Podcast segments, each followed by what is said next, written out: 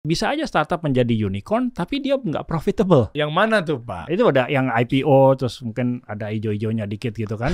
Itu kan Kita kasih solusi. Wah di hadapan saya bukan orang sembarangan deh. Saya mau cari tahu nih kira-kira investor besar, venture capitalist. Wah kapitalis dong berarti Anda Pak. ya cari cari, cari uang dong. Cari uang ya. Nah ini kira-kira di tahun 2024 anda melihat brand-brand apa lagi nih yang jadi tren yang akan disuntik nanti teman-teman pastikan nonton sampai akhir nih. Saya udah dapat bocorannya teman-teman ya. Jadi berbagalah kalian sekarang di industrinya yang tadi tiga ya Anda bilang di luar kamera. Jadi bocorin dulu ya Pak ya. Jadi Anda kan CEO dari BNI Ventures. Betul. Duitnya nggak berseri teman-teman. Jadi startup founder pastikan nonton sampai akhir nih. Dan apa yang beliau akan lihat. Masih zamankah main valuasi, valuasi digedein, exit dijual, gedein lagi, fundraising lagi, fundraising. Bukannya kan abis winter sekarang jadinya pada ngejar profit Pak ya? Nanti kita bahas ya Pak ya. Siap. Tapi beliau ini bukan orang sembarangan, kita masuk ke LinkedIn ya. Dim, ke bawah Dim. Tuh, saya juga cek juga sih di handphone saya nih. Tuh, CEO BNI Ventures. Jadi dari BNI ya berarti Pak ya? Anak usaha Bank BNI. Ah, Oke. Terus, bawa lagi, bawa lagi, bawa lagi. Eh, lihat profilnya dong. Nah ini nih bawa-bawa. Tuh, bener, bener, bener, bener. Tuh, bawa lagi, bawa lagi. Cek aja. Lihat dong, perjalanan karirnya beliau dong. Bawa lagi, bawa lagi. Ke bawah aja tadi. Jangan pencet. Eh, eh. nanti kita dapat bocoran aktivitas beliau ke mana aja. Abis nyuntik dana di mana aja. Ya sebenarnya gini, kalau kalau kita sebagai investor kan kita kan cari return. Return itu ada yang mulai dari 1x, 2x, 10x bahkan lebih 100x gitu. Kalau kadang-kadang kita nggak mencari yang paling tinggi, misalnya 100 kali lipat returnnya, cuannya, tapi kalau nggak bisa dimonetisasi, itu masih on paper profit, ya kan sama aja bohong gitu kan. Kan nggak butuh, bukannya venture capital atau investor tuh kayaknya ngegede-gedein valuasi aja, abis itu nanti tinggal cari fundraising, tinggal... Bukan emang butuh brand harus profit masa sih Pak? Betul lah Der, kan bagaimanapun juga kalau saya dan teman-teman invest ke sebuah startup itu kan bukan uang saya pribadi, itu kan bukan seorang uangnya seorang Edi Danusa Putro, itu kan uang investor saya. Jadi mereka juga ingin dapat return dong.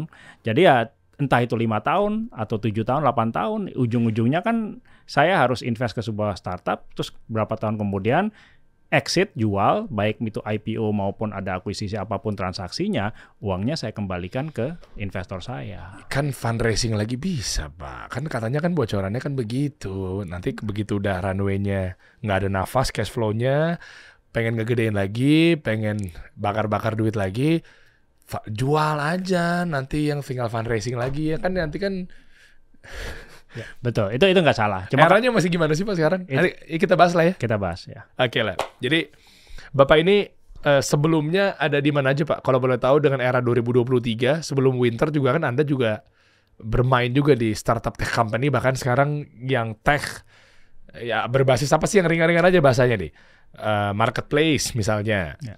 yang sifatnya mengagregasikan sesuatu lah ya yang menjadi maklar di tengah-tengah kan antara uh, pemilik uh, brandnya, startupnya sama ke konsumen. Makanya agregator di situ jadinya. Dan yang berikutnya lagi eranya sekarang kalau udah nggak ketolong pak, jual aja ke TikTok pak. TikTok siap nampung kok pak, dananya masih 20-an triliun pak.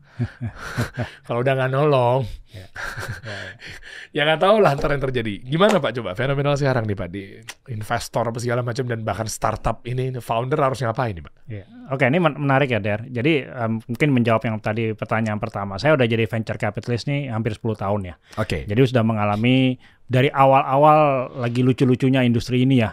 Uh, mungkin uh, apa namanya 10 tahun 12 tahun yang lalu sejak awal berdirinya ya tech-tech companies di Indonesia lah. Ya, saya nyebut nama nggak apa-apa ya Gojek, uh, Bukalapak, Tokped, Traveloka dan sebagainya. Itu kan ya mungkin 10-12 tahun yang lalu. Terus okay. kemudian naik terus kan, valuasi naik terus yeah. gitu. Um, tentunya ada exit, IPO bisa, akuisisi bisa dan segala macam. Tapi betul yang dari bilang dulu sampai mungkin 2-3 tahun yang lalu, the name of the game adalah valuasi. Yeah. valuasi itu menjadi mungkin kiblat kita. Makanya dari dulu kan saya dan teman-teman meskipun kita mungkin yang insaf dikit sedikit ya, itu adalah ya sadar sedikit lah ya gitu ya. Uh. Kita dulu-dulu kan yang kita gaung-gaungkan adalah unicorns. Ah. Startup dengan valuasi 1 billion US dollar gitu. Dulu metriknya adalah selalu adalah kita ingin memiliki atau membuat startup menjadi unicorn. Tapi kita tidak tahu bahwa itu ternyata nggak sepenuhnya cukup. Kenapa? Karena bisa aja startup menjadi unicorn, tapi dia nggak profitable. Gitu. Saya nggak menyebut nama gitu ya. Yang mana tuh Pak? Baru semua nanya tuh yang mana jadi tuh Bapak udah disclaimer. Ya, itu udah yang IPO terus mungkin ada ijo-ijonya dikit gitu kan. itu kan itu kan udah udah udah gede banget tapi sampai sekarang kalau lihat laporan keuangannya kan belum profitable. Bukan berarti tidak ada nilainya ya.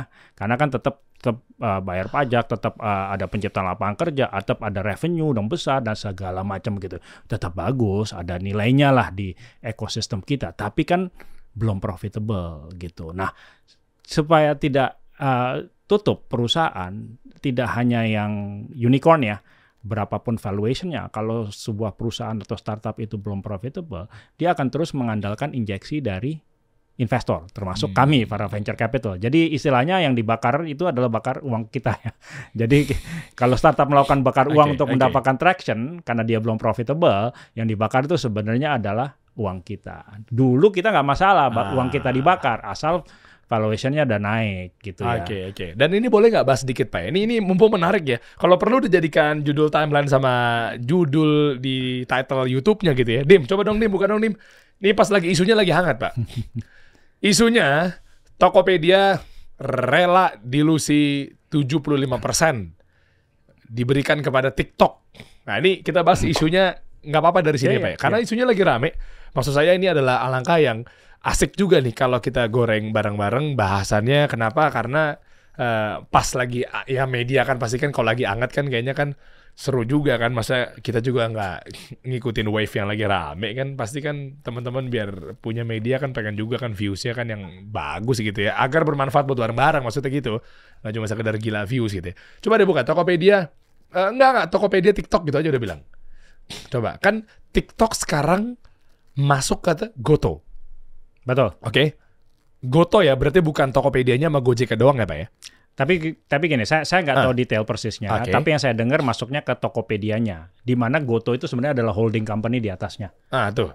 Ya. CNBC nih. Ya, Ini masih hangat nih. ya. Ini TikTok kuasai 75% saham Tokopedia. Nasib Goto gimana? Saya bahas ada beberapa stigma, Pak. Saya sebagai jurnalis, saya memandang bahwa, wah ini saat yang waktu yang tepat untuk bahas sama Bapak nih. Anda ini kan memang venture capital, investor juga, dan banyak lah. Pasti naruh-naruh duit ke mereka-mereka dan seterusnya. Cara mainnya gini, Pak. Akhirnya jadi saya melihat bahwa ada satu problem digoreng bersama, yaitu tentang fenomenal Tanah Abang kemarin. Ya. Oke? UMKM ya. Ya, karena saya juga orang marketing, jadi lumayan concern sama demand creation gitu, Pak. Jadi kalau mau ngapa-ngapain, kalau demandnya nggak dikumpulin, nggak di-create, kayaknya susah gitu untuk digoreng bersama. Nah, akhirnya eh, singkat cerita viral, terus ada juga, aduh terpaksa saya harus ngomong, ya kamilah para community, media, dan seterusnya melihat bahwa kayak, ini juga saya harus klarifikasi pada Anda. Ah ini mah memang Goto mau tumbang aja. Ketika kondisi kurang seksi, sebuah ekosistemnya, zamannya, marketnya lagi nggak ke sana ngarahnya, siapa yang mau ngambil? Para udah turun-turun terus pak. Wah terjun payung pak. Gojek Tokopedia. Nah momentumnya pas ketika suatu sisi ada satu platform yang memang dia asing berinvestasi di negeri kita, tapi ruang geraknya kan sempit nih. Ya udah kalau anda ingin mau optimasi lagi, ayo dong, gabung dong payment gateway-nya bareng sama Tokopedia. Biar anda mau berkarya lagi dong. Berapa nilainya? Cek cek cek, valuasinya terserah mau pakai metode yang mana, ketemulah 23 triliun untuk 75%. Wow. Ya terlepas dari mungkin nanti dikasih aja semuanya ujung-ujungnya pelan-pelan, pelan-pelan, dilusi, dilusi, dilusi, hilang. Akhirnya, ya mungkin di dalam juga akhirnya terselamatkan kan daripada makin anjlok, makin anjlok. Nggak tahu ya, ini nggak boleh suzon juga teman-teman. Ini saya coba hanya menyampaikan apa yang ada di benak menurut laporan dari kawan-kawan kita gitu Pak. Gimana menurut Anda Pak? Oke, ini kita ada dua dua hal ya. Semua yang transaksi yang tadi Derrida bilang itu kan sebenarnya also driven by regulation Oke. ya. Jadi tapi itu kan pemerintah, itu ranahnya pemerintah Iya, gitu oke. ya. Jadi eh, apakah itu dipicu oleh itu pasti nggak mungkin ada transaksi yang yang sekarang ini yang TikTok itu segala macam kalau tidak eh, apa ada regulasi yang Oh iya Pak. memang membatasi Oh. dan kemudian mengarahkan sup- supaya asing itu harus menggandeng uh, lokal begitu ya. 23T. Betul. Iya. Oke. Cuman saya mungkin mau mundur se- satu langkah dulu. Kalau ya kan Derry kan orang marketing juga kan, Oke. orang brand. Oke. Ada mashab uh, cara berpikir bahwa one winner takes all. Nah, Hmm. ber- percaya atau nggak percaya ya, tapi uh, ada yang ada yang ada yang sepakat dengan mashab itu, ada yang tidak sepakat, ada yang di tengah-tengah. Contohnya gitu, uh, apa namanya internet search. Mm-mm. Dulu banyak, sekarang yang tersisa paling besar mungkin ya semua orang pakai adalah ya Google, gitu kan. Yahoo nggak tahu ke mana tuh. Ya itu, mungkin ada yang lain-lain Bing, ada tapi kan ya market share-nya kecil lah ya. Ya, oke. Jadi udah udah one winner takes all gitu ya. Iya. Dulu uh, di Amerika marketplace banyak, mungkin sekarang yang tersisa mungkin hanya Amazon. Di China juga dulu marketplace banyak, mungkin hanya sekarang Alibaba gitu Iya. ya. Jadi memang di beberapa kasus banyak kasus bahwa one winner takes all. Di Indonesia juga sebenarnya cenderungannya ke sana. Meskipun menurut saya di Indonesia tidak one winner takes all, tapi a few winner takes all. Contohnya di Indonesia dulu ride hailing tuh banyak. Ya nggak banyak lah, ada ada beberapa opsi. Uh, Gojek, Grab, ada Uber. Dulu kalau ingat uh, tahun tahun Ya, 2014-15 tuh kan sempat ada Uber. Nah, Sebelum akhirnya Uber lempar handuk gitu kan. Iya. akhirnya tersisa dua Ah. gitu, Gojek sama Grab gitu. Sekarang sekarang marketplace yang tadi Derry udah bilang ya. Ah, ah. Kalau saya sebut mungkin du- 10 jari saya nggak cukup gitu ya. Uh, Tokped, Bukalapak, uh, belanja, beli-beli, uh, segala macam Lazada, Shopee, Zalora, uh, Elevenia dulu ada dan segala macam Oh, gitu kan. iya. Ya akhirnya ada yang tutup, ada yang merger, dan tapi yang jelas kan Indonesia tidak cukup besar untuk punya 10 sampai 15 e-commerce platform gitu Oke, kan. oke. Ya, jadi memang mengerucut menjadi ya mungkin tidak one winner tapi beberapa winner. Jadi apa yang terjadi di sini ya sebenarnya itu juga adalah arah bahwa Indonesia itu akhirnya mengerucut pada beberapa pemain besar saja. Apakah itu ada ada itu ada pros and cons-nya. Prosnya mudah-mudahan mereka cukup besar, sustain, tidak harus bakar uang, bisa profitable dan sebagainya. Oke. Cons-nya ya kita sebagai konsumen ya pilihan kita berkurang gitu. Iya. Tapi tapi itu market market practice di di mana-mana di di banyak negara dan di banyak sektor memang akhirnya mengerucut pada itu. Kita contoh yang baru aja nih ya minggu ini ya uh, online travel agent. Ah, Iya. Nah, Traveloka, uh, tiket.com Tiket. sama yang baru tutup apa namanya? Pergi-pergi. Pergi-pergi, ya. Iya. Uh, jadi ya memang akhirnya mengerucut kepada maybe not one winner takes all tapi one or two winner takes all. Berarti permainannya campur tangan sama regulator juga ya? Uh, ada yang memang karena market practice, memang mereka mismanage, mereka nggak bisa jualan, nggak dapat uang investor, nggak bisa menuju ke profitability karena bakar uangnya terlalu masif, macam-macam alasannya Oke. gitu. Kalau ada peranan regulator pasti ada faktor lah ya, tapi Ya. menurut saya bukan itu satu-satunya faktor. Wow. Wow, wow, wow, wow, wow. Ah, berarti kalau dengan kondisinya sekarang tadinya eh, mohon maaf nih, Goto misalnya. Akhirnya daripada dia mundur tak terhormat, mendingan kondisinya sekarang itu langkah yang tepat. Anda sebagai pemodal, Anda sebagai ya kan di BNI Ventures atau mungkin venture capital melihat caranya dengan Goto melepas 75% gitu ya.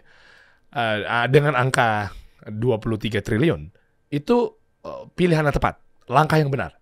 Pilihan yang dapat dimengerti. Kenapa gini? Kita sebagai investor, ujung-ujungnya itu kan uang kita mandek di situ. Iya dong. kita kan ujungnya harus kita exit. Nah paling gampang itu exit kalau nggak IPO atau ada transaksi M&A.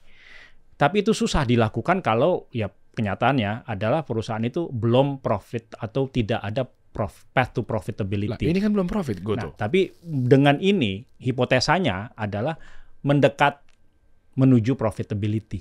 Ini hipotesa ya. Yang, Hmm, yang, oke. paling, yang paling tahu mungkin mereka sendiri karena saya nggak punya akses ke laporan keuangan mereka gitu. ah, kan. kalau mau pakai ntar mungkin di Makari. ya bisa. Jurnal itu bisa Ya, tuh ya, di situ tuh bisa, kalau mau bisa. ngecek tuh laporan keuangan karena praktis Bisa, banget. bisa. Dan online pula gitu kan. Iya kan? Wah, enak itu. Kami pakai. Terus terus saya deh. Ya, jadi kita sebagai investor, meskipun ada pros and cons, tapi melakukan merger atau akuisi, akuisisi atau merger dengan uh, apa perusahaan sejenis, itu asal itu memperpendek path to profitability atau mempercepat menuju profitability, kita akan support. Karena ujung-ujungnya perusahaan harus sustain, harus Ya. bisa berdiri sendiri. Ah, Oke. Itu balikinnya gimana tuh? Returnnya tuh 23T itu tuh. 75% tinggal 25. Tinggal 25 udah sangat minor. 25 berarti uangnya publik kan? Ya. Anda ada di situ juga. Dulu ada kecil di Goto, sekarang udah nggak ada. Kecilnya di bawah satu persen. 0,0000 sekian persen. Kenapa sekarang udah nggak ada? Cabut. Karena saya udah nggak di Mandiri Capital. Saya nggak tahu juga apakah Mandiri Capital MCI tempat saya dulu eh, masih pegang saham Goto atau enggak. Bukan nggak masih misalnya? Belum ya? Eh udah nggak ya? Saya nggak tahu. Ah, Oke. Nah inilah tadi udah sedikit lah saya coba nyenggol-nyenggol. Kenapa? Karena eh, Anda orang yang memang saya butuhkan ini sebenarnya gimana sih nih Pak setelah winter nih? Kan Anda melihat bahwa wah nanti ada lagi yang rame lagi kemarin kesenggol mengenai bubble. Aduh udah macam-macam nih. Jadi eranya valuasi kita main ringan-ringan aja deh. Profit and loss, valuasi. Jujur, jujuran deh. Eh, mungkin saya harus berani katakan di depan Anda. Saya mindsetnya profit and loss banget, Pak. Saya, saya. Jadi bukan berarti valuasi game atau mungkin valuasi valuasi fundraising itu buruk enggak enggak. Em, saya masih tahu ini mungkin dari sisi kontradiktifnya adalah eh, bisnisnya belum dapat esensinya ketika main valuasi. Kalau versi saya. Tapi nggak totally ya. Bisa jadi mungkin 50% ya. Nggak apa-apa kita fair. Seru juga menarik valuasi. Tapi ya oke lah. Esensinya mungkin saya belum belum belum coba berani ke sana gitu. Nah, di era sekarang setelah winter, semua juga tahu Pak, brand-brand juga pasti sekarang ngejar profit. Ada yang sampai PHK gede-gedean untuk kenakan kos, biaya, beban. Ada yang nutup beberapa macam perusahaan yang mergernya apa segala macamnya. Ada yang langsung gimana caranya pokoknya oke profit aja. Wah macam-macam. Gimana nih Pak? Eh, mohon maaf ya, eh, Derry ya kan eh, bisa mengatakan seperti itu tidak terlalu peduli pada valuation, Bukan nggak peduli, tapi maksudnya menurut Bukan saya yang- bukan yang utama. esensinya saya Bukan- bukan menjadi utama bukan gitu. yang utama. Huh. Itu karena you have no intention untuk eventually jual perusahaannya sendiri, ya kan? Karena mungkin ada ikatan kita sambil diskusi apa ya, eh, orang brand kali ya. Ya, karena Jadi karena- brand itu kan kayak legacy brand itu ya nggak apa-apa. Ini asik nih diskusinya. Hmm. Kalau saya mazhabnya adalah orang brand, nggak semua, tapi ada juga pemain. Tapi kalau saya sih insya Allah berani memastikan bahwa orang-orang brand majority-nya 51% ke atas biasanya dia legacy, uh, it's my baby, ya, gitu. itulah. ego, Betul. ya kan? Betul. Jadi udah udah ya ada ada ada ikatan batin lah Ya oke. dengan, dengan perusahaannya. Jadi Ya. ini perusahaan saya gitu. Saya Ya. nggak akan pernah mau jual kecuali kalau it's too good to be good true apa pun apa dan segala macam lah. Oke kita kita mungkin bisa Ya, jadi mungkin itu gitu. Nah, masalahnya banyak startup mayoritas tuh tidak berpikir seperti itu. Kenapa? Karena mereka besarnya dari uang investor, termasuk dari kami, angel investor, venture capital, dan sebagainya. Nah, kita Mhm. kalau invest ke sebuah startup, itu kan bukan uang kita sendiri. Itu kan uang investor kita. Jadi harus dibalikin. Jadi kita selalu invest dengan pikiran, wah lima tahun kemudian saya harus exit. Saya harus jual. Dan saya kalau harus saya exit, kan saya mau cuan. Mau cuan kan nggak bisa flat valuasinya. Oh iya. Kalau nggak saya rugi, beli 100 ribu per lembar saham, dijual 100 ribu per lembar saham juga kan rugi Ya, ya. main dagang kalau Ah, begitu. Iya gitu. Jadi Iya, saya oke. sebagai investor, saya mau nggak mau ya memang harus mengejar valuasinya naik supaya saya ada return uh, pada saat saya jual lima tahun, 8 tahun kemudian. Saya nggak bisa, I am not I am not in the company to be there forever sampai 20 30 tahun nggak bisa. Karena investor saya udah udah minta-minta, Edi Edi mana uang saya? Balikin dong uang saya gitu kan. ternyata kilas balik atau sisi lain di balik ini semua ternyata ada penagihan juga dari investor. Ya. Saya pikir gara-gara, hayo valuasi segede-gedenya, bertahun-tahun nggak apa-apa, nanti aja gampang kalau kurang duit fundraising lagi, gitu. Saya pikir begitu, ternyata oke juga ya. Apa gara-gara winter pak? Ini ini ini bahkan sebelum winter. Jadi saya saya nggak mau nyebut nama gitu. Cuma Saya pernah invest ke sebuah perusahaan uh, on paper, uh, paper gain-nya itu udah sekitar 7x. Ya. Wow. Ya, jadi 700% saya. Tapi on paper belum ada pembelinya, belum ada exitnya, belum ada IPO-nya. Investor saya sih senang-senang aja dapat laporannya. Oh, this investment is good ya, 7 7x ya. Tapi when do I see the money gitu kan? Uangnya nggak pernah ada karena memang itu belum terrealisasi. Masih paper gain. Dia sebagai investor dia bilang, "Eddie, it's nice, thank you, but saya nggak ngerasain. Mendingan cari yang 3x tapi real saya bisa exit dan saya bisa terima uang saya balik dengan profit 300% itu. Nah, it- jadi sebenarnya yang lebih penting lagi bagi kami para investor bukan semata return-nya, valuation-nya, tapi memang liquidity-nya. atau exit itu kadang Oh. lebih penting daripada uh, apa uh, returnnya. Oh. Saya oke. mendingan 3x tapi pasti atau 2x 3x payu pasti uangnya udah di tangan daripada saya dapat 7x 10x tapi ya nggak pernah bisa dijual sahamnya. Hmm. Iya, iya, iya. Dan tren-tren kayak gini memang sebenarnya kultur atau budaya dari Indonesia sama Amerika gimana sih, Pak? Saya penasaran aja sih. Maksudnya gaya-gaya gini kan, saya coba untuk lebih dalam, ngukurnya lebih tajam, lebih luas dulu ya. Indonesia misalnya, eh kayaknya agak sedikit berbeda dengan Amerika. Di Amerika kan sudah umum ya, ketika ada perusahaan atau startup gede, eh, Google lah misalnya. Wah, anak-anak muda nih bikin YouTube nih, caplok. Wah, anak-anak muda nih bikin WhatsApp nih, caplok gitu. Ya grupnya Meta, Google terserah lah, gaya-gayanya sama tuh. Apple juga demikian gitu kan. Eh, Facebook ya gitu-gitulah. Nah, di Indonesia kan kadang nggak nyampe segitunya. Apa jangan-jangan level kita masih belum ngejar ke sana? Kayaknya, wah udahlah itu kan permainan raksasa. Kita yang santai-santai dulu aja. Bahkan gede sama kecil aja ngerasa bahwa kayak, hey kamu nggak boleh tumbuh. Aku valuasinya karena aku senior, kamu lebih kecil dan aku masih lebih besar. Kalau di sana kan kayaknya rising star nih. Caplok. Gimana ya budayanya? Uh, Indonesia belum seperti di US, masih jauh, mungkin beberapa langkah di belakang uh, pasar di US. Ya, contoh aja gitu ya. Tadi kan Derry udah bilang ya. Iya. Uh, di, di sana ada istilah GAFA, uh, G-A-F-A, Google, uh, Amazon, Facebook dan Apple. Oke, gitu oke, ya. oke. Ini memang perusahaan-perusahaan yang tidak hanya mengembangkan sendiri bisnisnya, tapi mereka sangat senang dengan non-organic growth. Jadi uh, pem- akuisisi, beli. Non-organic growth. Ya. Memang nggak ada orang brand di situ. Masih tetap pakai egonya ego orang brand ya. Bukan bukan Ah. bukan karena product development atau brandnya jelek, tapi teknologi.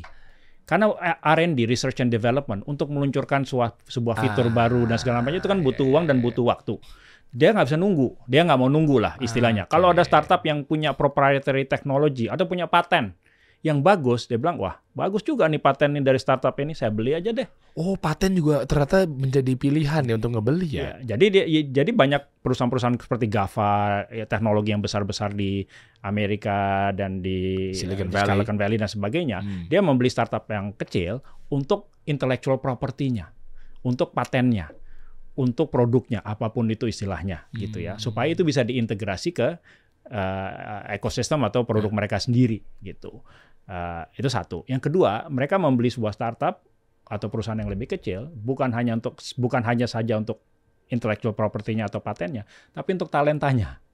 Orangnya yang bagus-bagus Ah. itu dia bilang, "Wah, saya kalau bajak dia jadi karyawan saya nggak mungkin dia mau gitu kan. Tapi saya beli perusahaannya Wah. dengan sendirinya dia harus kerja sama saya untuk 2 3 tahun gitu kan." Nah, itu jadi acquire, itu istilahnya acquire. Ak- uh, uh, akuisisi sebuah perusahaan sebenarnya untuk talentanya.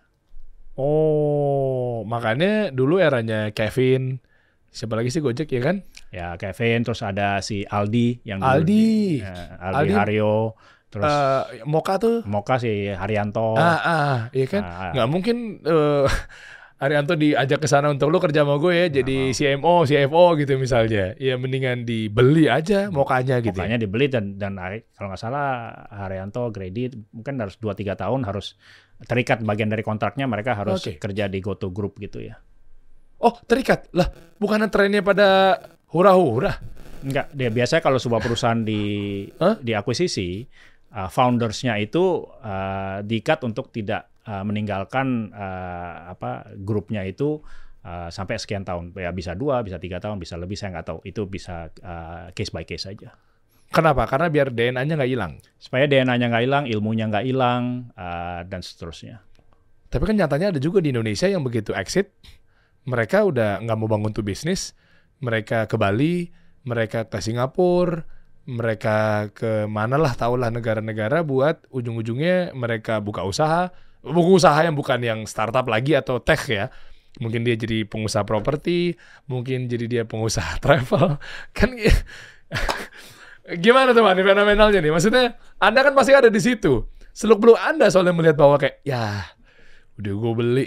Harusnya kan dia bisa lebih berkarya lagi untuk untuk uj- ujung-ujungnya apa? Ya udah venture capital melihat kan kalau lu bangun lagi kan gue bisa naruh lagi di situ. Sekarang banyak yang kayak begitu nih anak-anak muda. Ya pilihan mereka ya Gimana pandangan Anda? Ya, ini ini ini menarik ya. Kita kan sebagai venture capital sering kali merasa kita orang paling keren di dunia gitu kan. Oke. Sering da- banget didatengin sama startup, Pak Edi invest dong ke startup saya. Ini pitch deck saya, ini pitch deck saya, invest dong ke saya gitu kan. Oke. Saya di Uber-Uber banyak startup gitu kan. Ah, terkesan keren gitu. Tapi saya dan dan kita di perusahaan di venture capital kita memang akan invest nggak seluruhnya, tapi kita beberapa kita invest gitu ya. Terus kemudian jadi sukses. Mereka bisa IPO atau diakuisisi gitu ya. Foundernya terus tiba-tiba kaya raya gitu kan, entah itu dalam bentuk saham ataupun cash. Ya, gitu. exit. Exit gitu. Iya.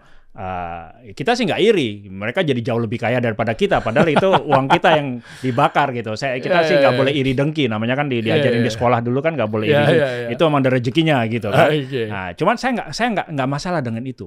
Yang saya masalah, mohon maaf ya kalau saya kritik para founder ada yang tersinggung gitu ya. Oke. Itu adalah uh, founder atau entrepreneur yang udah bikin perusahaan, udah sukses, udah exit, udah terima uang, terus ongkang-ongkang kaki, mohon maaf, beli properti, beli villa di Bali, terus ya udah ya pensiun muda gitu ya. Iya, iya, iya. Nah, itu buat saya itu sayang, sangat disayangkan. Kenapa? Karena mereka masih punya masih muda, udah punya punya uang juga, punya pengalaman, ya seharusnya jadi serial entrepreneur. Hmm. Apa itu serial entrepreneur? Saya paling suka dengan serial entrepreneur. Serial entrepreneur itu adalah uh, anak muda, founder, ya nggak harus muda sih, founder, uh, pengusaha itu yang bikin perusahaan, dia gagal, dia bangun lagi, pinjam lagi, gagal lagi, dia bangkit lagi, dia bangun lagi gitu, sampai akhirnya dia sukses, Hmm. punya uang besar. Hmm. Ya jangan terus kemudian pindah ke Bali terus jadi tuan tanah properti gitu ya. ya bi- bikinlah perusahaan lagi gitu. Bikinlah perusahaan lagi supaya dia jadi serial entrepreneur, terus menerus menjadi entrepreneur atau apes-apesnya ya, dia menjadi angel investor. Ada tuh kan? Ada, Ada yang warna merah. ya banyak beberapa lah gitu kan. Eh, Eh, udah udah IPO perusahaannya punya uang banyak triliunan, ya dia bikin visi atau angel investor. Menurut saya itu bagus. mendingan gitu daripada dia Uangnya putar terus. muter terus. Tapi nggak mau capek kali Pak. Mendingan gue jadi tuan tanah, sewa-sewain kontrakan, villa-villa di Bali, bikin kosan. Udah, thank you. Udah punya megang duit exit berapa exitnya kira-kira yang random aja lah, rata-rata average. Rata-rata exit itu berapa sih kalau untuk startup yang valuasinya udah dili- dilirik sama venture capital? Ya ada yang di atas 50x ya ada juga sih. Ya. Kalau founder ya, karena founder kan Menarik juga kan jadi ya. tuan tanah. Iya. Tapi saya saya nggak nyalain, maksudnya gini, ya namanya manusiawi gitu ya. Eh, apa namanya ingin nyenengin keluarga, ingin menikmati hidup, fine. Itu itu kan tapi bisa juga sambil dilakukan dengan tetap eh, apa namanya ilmunya, pengalamannya dan sedikit uangnya itu juga ikut bantu ekosistem. Karena Indonesia itu butuh Ya. eh, serial entrepreneurs yang yang yang terus menerus eh, bangun perusahaan baru gitu. Capek Pak bangun perusahaan Pak. Hah? Nanti dapetin lagi. Ah, atau gini kali Pak. Jangan-jangan dia mau merapikan histori track recordnya dia. Bekas mantan CEO ini oke exit. Jebret. Dibangun lagi. Eh, Kodarullah taunya nggak berhasil. Nggak dapat juga investor. Berdarah-darah. Naik ke berita. Mantan CEO brand A sekarang bangun lagi brand B. Pasti udah lama tutup. Nah, misalnya gitu kan. Kayak kemarin aja JDI ditutup rame. Bahkan CEO-nya dibilang katanya venture capitalnya merasa bahwa ternyata dia hanya bagus bikin PowerPoint parah banget. ya kan kayak gitu-gitu kan jadinya kan wah Pak itu credibility-nya hancur. Mungkin gitu kali mending gue jadi tuan tanah ketahuan gue punya bisnis di mana-mana. Iya. Tapi itu menurut saya seharusnya itu kan tidak semua driven only by money. Kalau menurut saya DNA seorang entrepreneur itu memang udah beda dari awalnya. Emang dia pada dasarnya adalah ya tidak tidak cocok tidak tidak mau jadi orang kantoran seperti saya yang dapat gaji gitu dan sebenarnya rutin tiap bulan Hmm. gitu. Memang seorang DNA by nature itu seharusnya sudah sudah selalu tertantang untuk oh ada opportunity, oh ada problem, I want to solve that problem dengan ide saya sendiri. Itu ide ini idealnya begitu. Itu kenapa seorang Elon Musk menjadi serial entrepreneur gitu ya. Ya. Ada aja tipe-tipe orang uh, seperti itu atau yang yang buruk lah. Mungkin Contoh buruk ya. Uh, WeWork uh, yang Ya. yang ada Tahu. serial TV-nya itu Tahu, dan segala macam itu. Itu crash and burn banget kan? Ya. Uh, uang investor juga hilang dan segala macam gitu. Terus bikin lagi tuh uh, si Newman itu Hmm. bikin startup baru, ada aja yang mau jadi investornya di dia. Oh berarti catatannya personal brandnya atau story-nya harus kuat kali ya? Nah itu. si foundernya ya. Ah, ya ya. Jadi orang percaya juga ke sana. Oke. Tapi atau kan- atau bisa juga jadi founder, exit terus jadi menteri kayak Mas Nadiem mungkin. Eh sih keren, keren. Ya kalau tawaran itu kalau jatuh pada saya mungkin bisa. ya ya keren itu itu keren tuh. Ya kan? Pas beliau exit tuh gimana kondisi Gojek? Uh, waktu itu sih oke, tapi, tapi waktu itu uh, sudah ada trennya bahwa unicorn-unicorn itu uh, foundersnya mundur digantikan oleh uh, manajemen yang profesional ya. Uh, jadi Iya, di Gojek waktu itu kan yang sudah mungkin si Andre yang lebih Ya. take care day to day-nya, Nadimnya mungkin nggak terlalu involved di today-nya gitu kan. Di Bukalapak uh, awalnya kan Zaki sama Fajrin. Uh, terus mereka mundur diganti oleh uh, Rahmat, uh, Ya. ada Teddy, terus sekarang ada Willix gitu ya. Jadi ya memang itu trennya pada saat pada saatnya menurut saya seharusnya founder itu nggak harus nunggu sampai IPO pun dia bisa uh, lebih strategik di komisaris atau di eh, apa pun itu posisinya, biarlah manajemen uh, profesional yang running the company. Hmm, Oke, nah ini kalau ngomongin running the company kan artinya kan termasuk Makari juga lagi lagi on fire on fire ini. Ini saya, saya, saya, saya nanya agak subjektif nih Pak De. Kenapa anda mau masuk atau invest di Makari? Saya mau tahu aja agak subjektif nggak apa-apa. Saya sudah disclaimer kok. Uh, uh, mungkin saya luruskan Iya. sedikit. Awal masuknya dulu masih jurnal namanya. Iya. Jadi accounting software namanya cloud based accounting software namanya jurnal. Oke. Terus jurnal merger dengan yang namanya Slicker. Nah, Hmm. Terus ada brand-brand lain, Talenta, Klik Pajak, dan sebagainya menjadi sebuah uh, brand besar yang namanya Mekari. Gitu ya. Digabung-gabungin ya, ditertarikin ya. Gitu ya. Oke. Nah, dulu sih awalnya hanya accounting software, yaitu adalah jurnal. Karena, Jurnal. karena saya percaya dengan mendigitalisasi UMKM Oke. atau bisnis Oke. gitu. Menurut saya UMKM itu uh, sangat manual, ya. Dulu punya toko, punya kios apa dan segala pembukuannya gimana?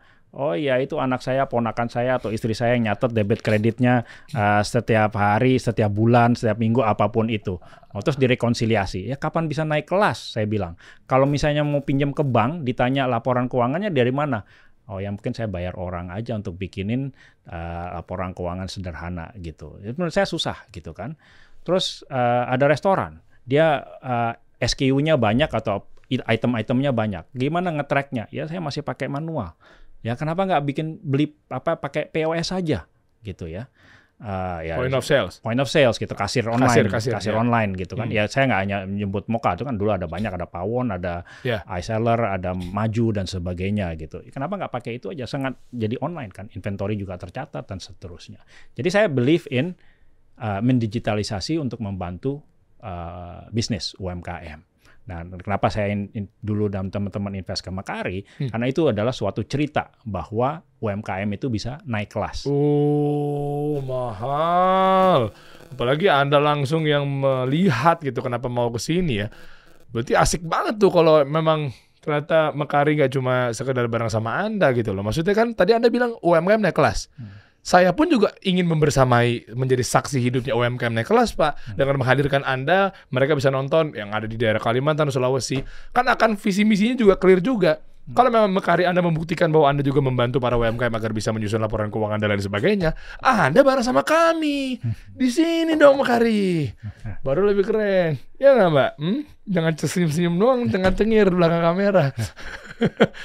iya kan, maksudnya kan ternyata eh, melihat satu potensi itulah juga yang pembidikan salah satu yang utama di tahun 2024 bahwa bisnis-bisnis model yang memang bentuknya adalah bisa mengeskalasi UMKM Anda hadir di situ. Betul. Ya, uh, jadi itu satu. Dari dulu saya udah Ya. bicara dengan uh, apa naik kelasnya UMKM. Oke. Saya juga merasa bahwa bisnis atau startup yang bermain di B2B, business to business, Ya. itu path to profitability-nya lebih cepat daripada yang B2C, business to consumer. Boleh tahu alasan nggak, Pak? Karena satu, uh, customer acquisition cost atau marketingnya tidak perlu seagresif B2C. Kalau B2C business to consumer ya kita yang apalah uh, e-wallet, uh, marketplace uh, itu dan segala macam kan very price sensitive. Kita selalu kalau mau beli atau menggunakan jasa itu selalu cek toko sebelah dulu, banding-bandingin harga dan segala macam begitu ya. Makanya biaya cost per akuisisinya itu kenapa jadi lebih tinggi, ya kan? Nah, itu gara-gara eh, behaviornya dia ngecek-ngecek dulu, compare-compare ke yang lainnya gitu ya. sama. Saya saya kalau beli saya kebetulan sen- senang main basket, saya beli sneakers basket. Saya udah saya, atau yang saya suka, saya kan ngecek dulu di beberapa apa namanya toko online Iya, dulu iya, gitu iya, kan. iya. Terus saya cari oh yang ini harganya atau ongkirnya atau apa pun itu istilahnya. Orang sekarang kita mau beli tiket aja mungkin kita Aduh. membandingkan gitu. Teman-teman yang pulang kantor atau mau pergi ke sesuatu dia mau pakai ride hailing, ojek online, dia bandingin dulu antara dua platform, tiga platform mana yang dia pilih gitu kan. Nah, jadi kan tapi ya akhirnya karena memang orang Indonesia pada dasarnya itu price sensitive, akhirnya memang harus melakukan Subsidi. subsidi. Itu cost per akuisisinya jadi naik. Cara mengakuisisinya biayanya jadi keluar lebih banyak. betul dan itu kan jadinya ya dan itu yang dibakar uangnya uang siapa? Uang Ah, Uang Anda, Iya. Pak. uang investor. Masuknya, masuknya bagus banget. ini ini ya. curcol curcol terus Iya, gitu. iya. Tapi bagus, bagus, bagus. Saya seru diskusi ini ya bahwa Anda ngebakar-bakar. Sementara Anda punya janji untuk mengembalikan dalam tanda kutip ya. Bukan berarti dijadikan misalnya eh, loan ke apa segala macam kan belum tentu juga gitu ya. Anda enak bakar-bakar bakar-bakar. Sementara yang di belakang lagi garuk-garuk tuh. Eh, gue ngelihat cara main lo ini. Ayo dong waktu nih, eh gitu kan. Iya. Padahal duit Anda yang lagi diputar. Tapi Pak hargain juga, bahkan mereka juga tahu bahwa merubah behavior nggak pakai waktu yang cepet Pak. Kan lama. Orang biasanya beli baju dipegang Pak di Tanah Abang. Iya. Makanya mereka pada teriak. Sekarang kita harus percaya sama foto buat dapetin baju. Nah berarti kan harus mengakuisisi kasih subsidi biar kepaksa untuk pindah jadi ke gadget. Betul betul betul. Iya Ya kan? makanya kita harus punya uh, mungkin kesabaran bahwa itu butuh waktu untuk menuju profitability. Kita juga sebagai investor kita nggak nggak nggak mengharap kita sadar bahwa nggak nggak bisa tiga tahun langsung profit. Tuh, tuh gue belain tuh. Tuh, lima tahun lah mungkin berapa dan segala macam. Kita membolehkan bakar uang. Terutama satu untuk mendapatkan users, yang kedua ya ini belak-belakan aja ya. Ah. Ini belajar ilmu manajemen dikit ya. Oke. Satu, bakar-bakar uang dibolehkan kalau mendapatkan customers yang sticky, yang loyal. Oke. Yang kedua, bakar-bakar uang dibolehkan kalau itu membunuh kompetitor. Kompetitor. Wah. Eh, jadi Anda ngegiring ke sini saya jadi suka nih. Ya, ja- ja- Boleh ulang sekali lagi, Pak? Nah ya. Ntar dulu nih, ini brand nih, ini gue mau belain dulu nih. Saya mau bantu nih, tenang, tenang, Anda tenang. Kan selama ini kan pasti kan Anda eh, urusannya kan eh, apa namanya eh, sama venture capital kan kayak, ah gue ditagih profit mulu. Kemarin teman saya bercurhat, Pak. Di banking, di G-Bank. Wah, saya nggak mau nyebutin nama brandnya lah. Gede, wow kalau nggak salah udah mungkin seri A plus atau seri B lah udah gede banget. Anda tahu lah. Ya. Ya nafasnya sih ngarahnya ke syariah. Gede banget, tapi lagi empat-empotan juga tuh orang tuh sekarang kasihan dicurhat kemarin deh. Habis efisiensi dan lain sebagainya. Anyway, dia cerita bahwa wah der, ini lagi profit mulu gue sekarang. Ah serius loh, kemarin lo kayak gede banget tuh. Nah, nah makanya saya mau belain kawan-kawan kita. Ini kan mumpung ada investor, ada visi di depan saya. Gini pak, saya orang brand aja yang organik, bukan non loh ya. Berdarah-darah. Uh, bangunnya ininya apa segala macamnya harus punya media dulu biar ngumpulin demand pada kumpul kemari gitu kan. Nah, tadi anda sempat pakai dua gitu. ya. Boleh tajemin lagi nggak pak? Sebenarnya bakar-bakar duit yang dilihat sama anda selaku investor pasti kan ada deg-degannya, ada happy-nya. Wah, kayaknya ini gue bidik nih valuasi bakal naik nih. Oke, dia juga gas, gas, gas gitu. Tapi giliran kesenggol, kok gitu sih? Lima lama gue balik modalnya. Nah, boleh tekankan lagi nggak Pak? Dua tadi dan Anda lanjutkan ya Pak. Kira-kira bakar duit yang jangan ngomongin yang tidak dibolehkan ya. Yang dibolehkan biar pada happy ini Pak. Startup eh, founder nih. Ya. Oke, yang dibolehkan satu satu satu tadi sebenarnya udah mengarah ke sana ya. Uh, kita kalau dibakar uang kan yang uang dibakar kan uang kita. Kita membolehkan kalau satu mendapatkan customer yang sticky. Yang kedua uh, untuk membunuh uh, atau mengerucutkan persaingan. Ya.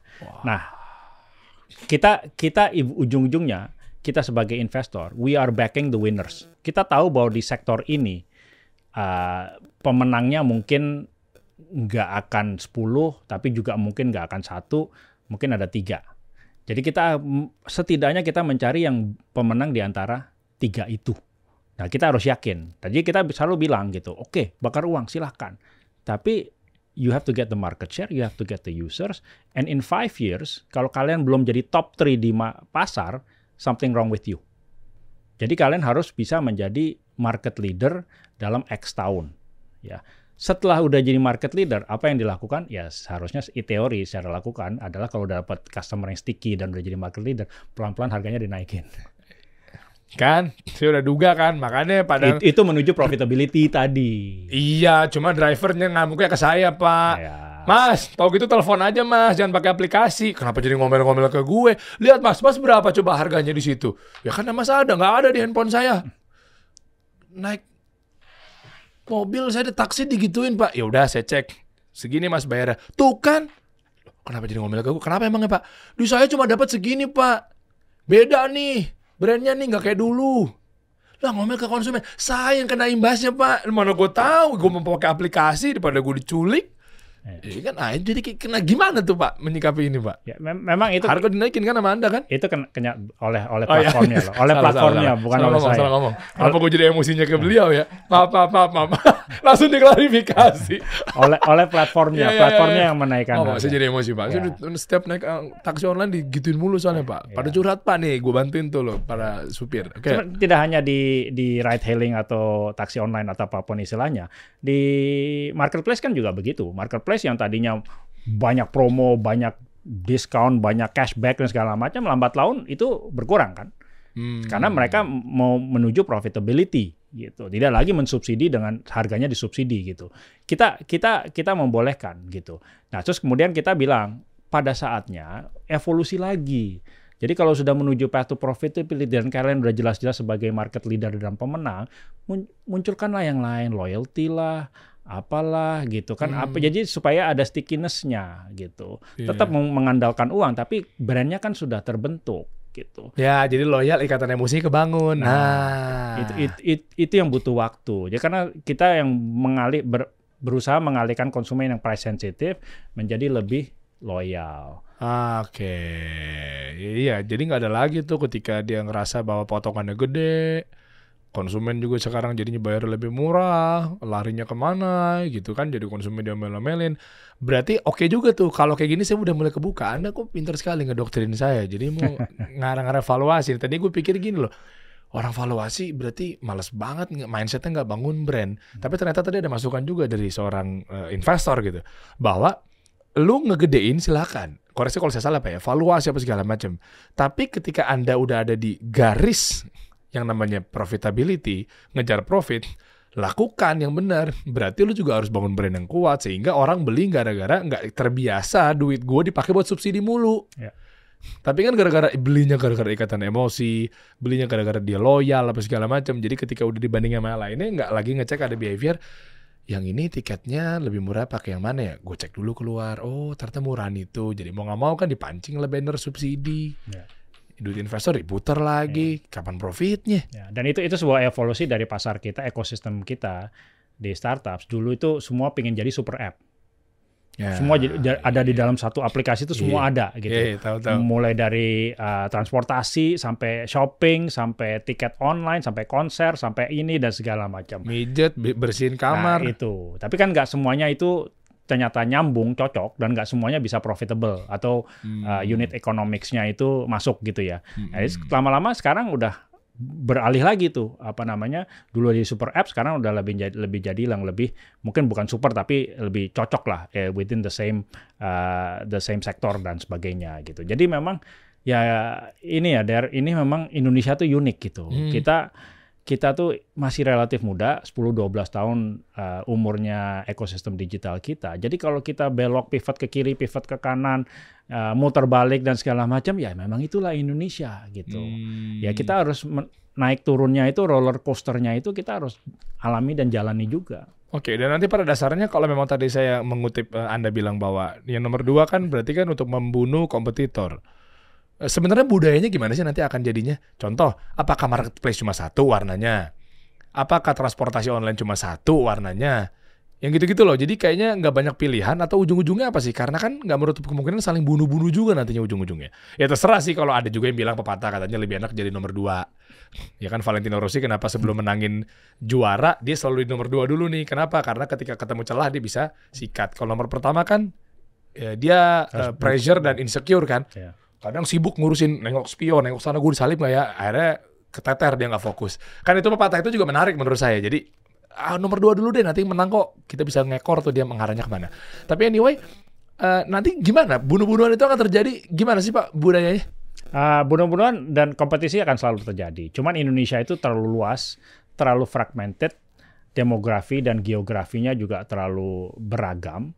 Uh, jadi menurut saya tidak bisa one winner takes all. Oh berarti enggak ya? Kalau mungkin ada yang platform yang sangat sukses di kota besar, contohnya Jakarta, Surabaya, macam-macam, belum tentu itu akan jadi juara di tier 2 atau tier 3 cities di Indonesia. Karena demografinya, cara berpikirnya juga berbeda gitu ya. Ah. Yang sukses di Jawa belum tentu itu yang akan sukses di luar Jawa Oh, iya.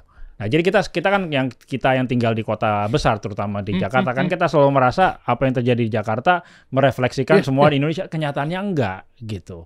Ya, jadi kita harus lihat bahwa saya kalau bilang sama startup yang menarik, startup aja sekarang startup banyak yang menyasar tier 2 tier 3 cities Iya. di luar Jawa dan mungkin demografinya juga berbeda. Eh, itulah di itu masih blue ocean kalau menurut saya. Bermainlah di situ. Iya kayak Maxim kalau nggak salah koreksi kalau saya salah teman-teman.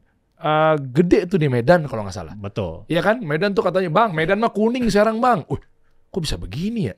Ya sampai kita ngobrol nggak tahu loyalitinya ke, ke situ ya. Ya itu. Jadi memang kalau bagi yang lagi dengerin ini ya, lagi dengerin apa podcast kasih solusi ini dan itu calon founder atau sedang founder yang sudah berjalan. Dunia itu tidak semata Jakarta dan tidak semata kota besar. Keren. Carilah market yang uh, masih open. Dan itu ya mungkin uh, di luar Jawa dan segala macam pangsa pasarnya juga berbeda. Mungkin bukan yang demografi A atau B, nggak apa-apa.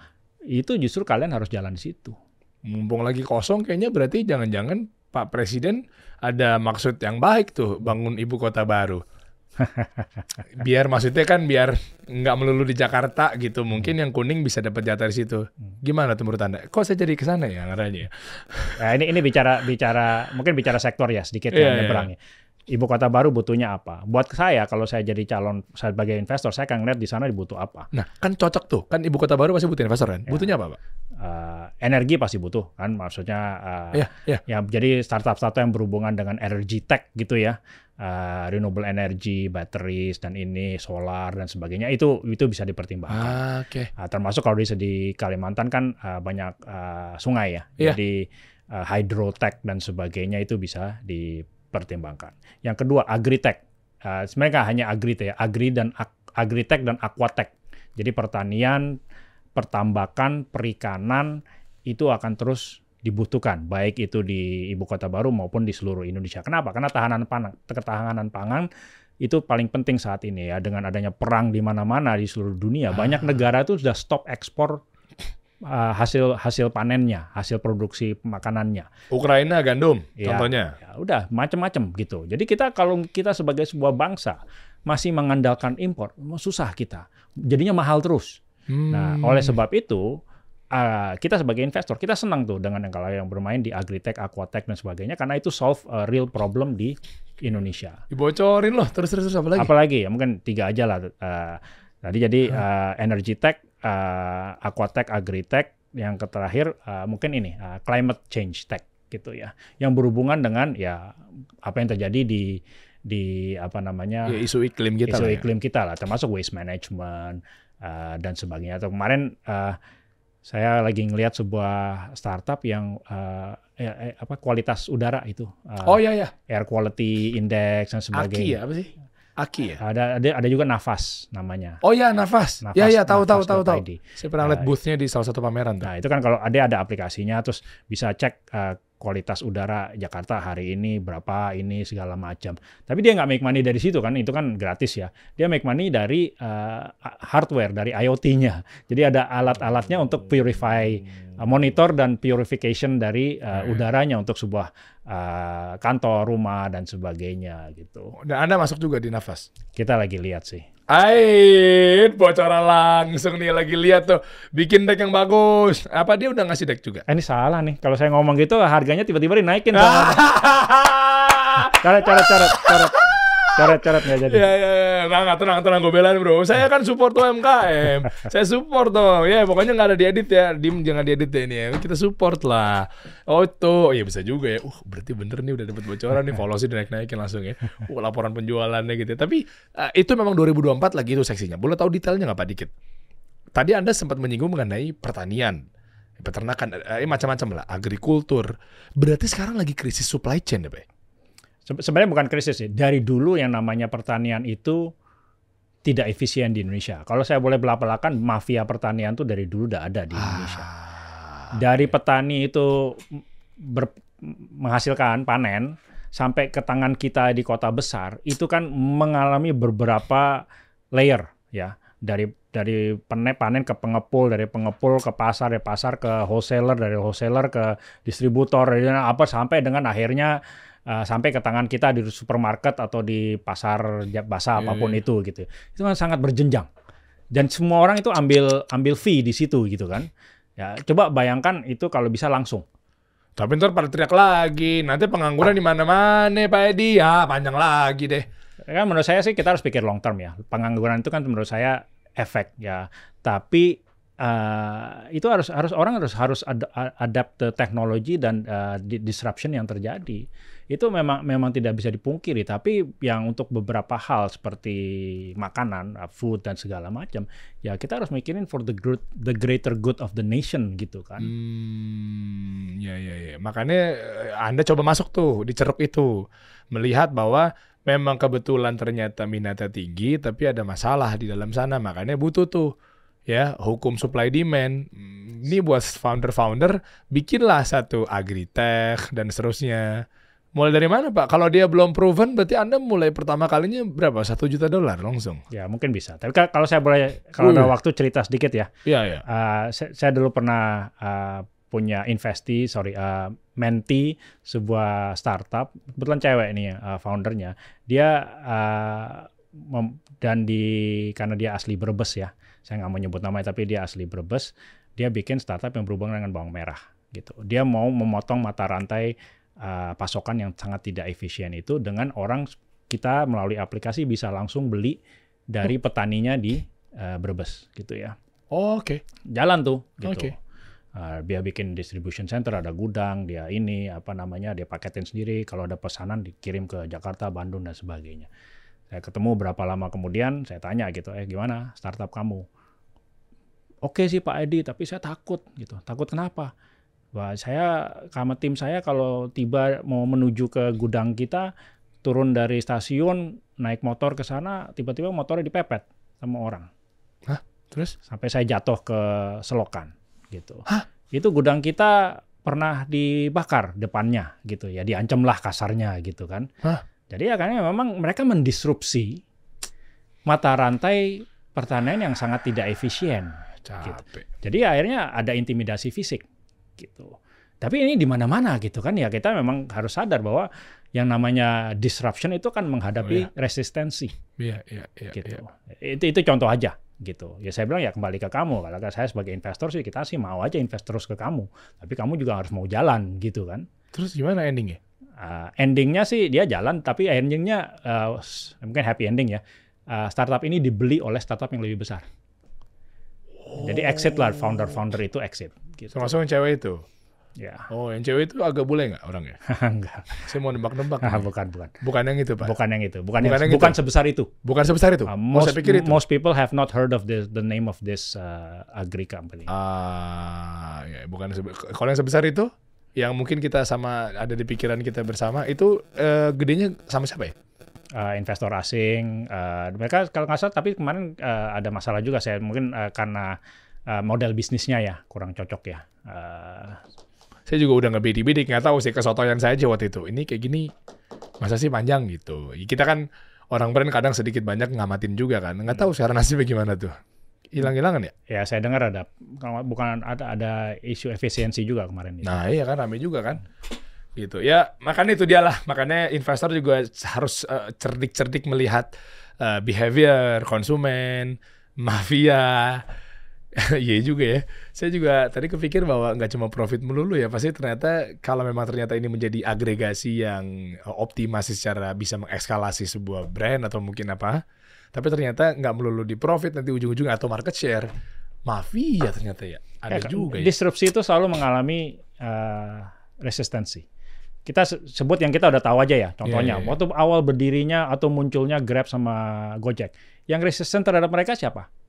Ya. Taksi biasa kan Iya, apa? taksi, taksi konvensional. Organda lah kalau kita sebut. Organda sebut. ya betul. Nah, demo dan Ya. sebagainya gitu minta ke DPR minta ke kementerian tutuplah Grab Gojek dan segala ya menghadapi menghadapi resistensi pasti gitu Ya, kan ya. Disrupsi yang terjadi antara TikTok sama Tanah Abang kan juga gitu juga. sama gitu nah tergantung masalahnya tergantung ekosistem players, investor, startups, regulator, pemerintah itu menyikapinya bagaimana gitu. Nah, saya tidak ada one one solution fits all itu tidak ada. Ya, jadi harus case by case. Tapi akhirnya kalau dalam halnya Gojek dan Grab dan Uber dulu, akhirnya ya uh, ya ketemulah solusi di mana mereka akhirnya bisa hidup berdampingan ya. Kita masih Hmm. we need to see ke depannya tetap bagaimana ya. Ya ini juga bagaimana apakah bisa hidup bersama atau malah mereka jadi merger gitu. Nah, ini mungkin jalan ceritanya beda be- Hmm. belok sedikit beda gitu ya dengan yang ride hailing uh, story yang tadi. Ya cuman ya mungkin terlalu dini untuk kita ngelihat bahwa ini Ya, nanti kita ketemu lagi, kita ngobrol lagi nanti tahun ngobrol depan Pak. Kita pengen tahu nih angkanya udah berapa tuh. Coba ketik dong. Sembari kita ngobrol santai. Berapa sih sekarang? Berapa angkanya? Gojek, Gojek Tokopedia ketik aja. Sembari kita pengen tahu maksudnya. Ya meskipun terlalu dini banget, baru dua hari yang lalu. Tapi kita mau tahu kan. Siapa tahu kan Kang gorengannya kerjanya bagus. Coba lihat paling atas aja tuh ketahuan angkanya. Kok nggak ada sih? Saham gitu, saham, saham, saham. Saham. Nah, itu 94 rupiah. 94, Pak. Naik, Pak, tuh deh. Naik turun kalau lihat bahwa seminggu terakhir sih naik turun ya. Coba lihat. Oh iya, naik turun. Tapi la- lagi naik nih ya. Lagi naik hari ini. Lagi naik ya. Karena TikTok masuk. Hah? Siapa? Ada influencer yang ngegoreng? Ada. ya. Berarti ke depannya apa Pak terakhir, Pak? Harapan Anda, Anda akan membidik tadi perusahaan-perusahaan yang memang rasa-rasanya agrikultur. Media gimana Pak Bida? Enggak, enggak, saya kan lagi nggak narsis. Maksudnya mau tahu pandang sudut pandang Bapak aja. Anda melihat media. Gimana? Kan kita nggak tahu luar sana. Kalau kami kan mainnya profit and loss. Tapi nggak tahu luar sana ada main valuasi kan gamenya kan. Kalau Semenarik itu? Kalau media menjadi content game kalau menurut saya ya. Game karena, ya? Karena news itu menurut saya sudah sangat instan. Kita udah bukan lagi zaman nungguin besok pagi koran muncul Ah, berita atau seminggu sekali ada di majalah gitu kita baca berita gitu. Kadang news melaporkan yang sudah terjadi itu udah nggak zaman lagi. Bahkan orang nonton TV untuk mendapatkan news pun ya mungkin hanya segmen-segmen tertentu ya. Iya, iya, iya. Karena everything sudah bisa didapat di smartphone yang Iya, berbau iya, news. iya.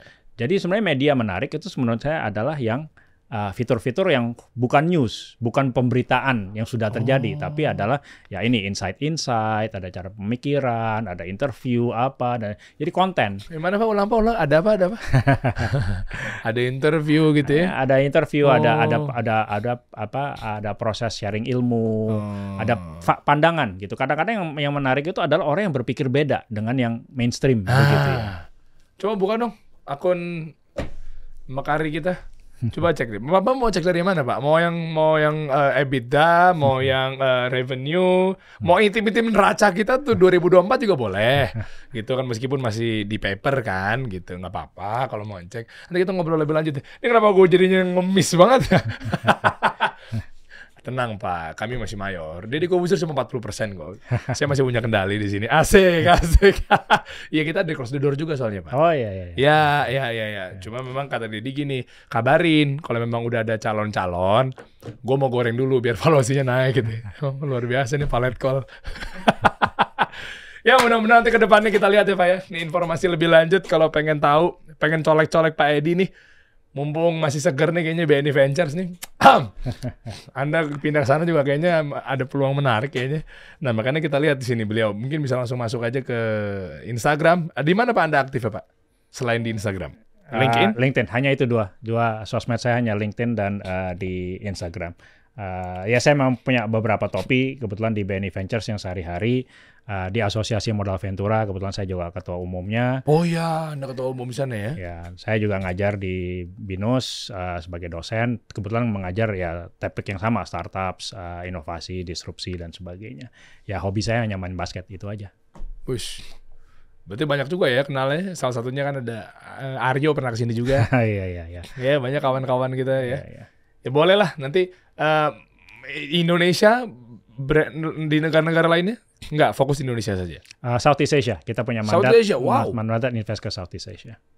Wow, nice. Berapa kira-kira terdekat? Ini untuk terakhir banget di ujung nih. Anda siap ngeluarin berapa kalau memang ternyata cocok sama bisnis model Anda? Ya, per per Bebas. per investee setiap kali kita masuk ke startup kita tiket size kita rata-rata 3 sampai 5 juta US dollar Itu untuk awal ya. untuk awal. Ini meskipun mereka belum punya profit. Enggak, series A. Kita prefer series A. Series A, boleh dapat bocoran lagi. Series A berarti minimal dengan valuasinya mereka berapa? Mungkin antara 30 sampai 50 juta US dollar. Per tahun ya? Enggak, itu valuasi perusahaan. Iya valuasinya dari sekian Ya. kali berapanya. Ya, pokoknya yang penting 30 sampai 50 Betul.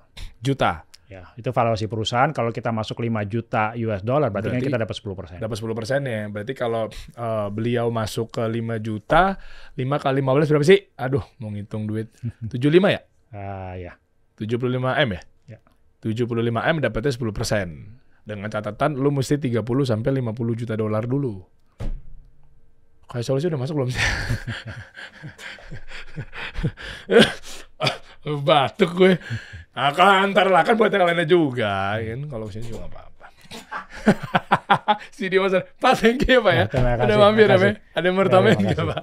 Hah? Cukup? Cukup, cukup. Siap ya. Thank you juga nih buat Mekari tadi untuk membantu agar tolong susun ya. Jadi lebih mudah soalnya laporan keuangan kita nggak tahu begitu kita copot kayak gini nih. Tuh tiba-tiba oh kan kamera mati kan. Ayo deh kita coba cek dong di Mekarinya gitu ya. Kita kasih solusi.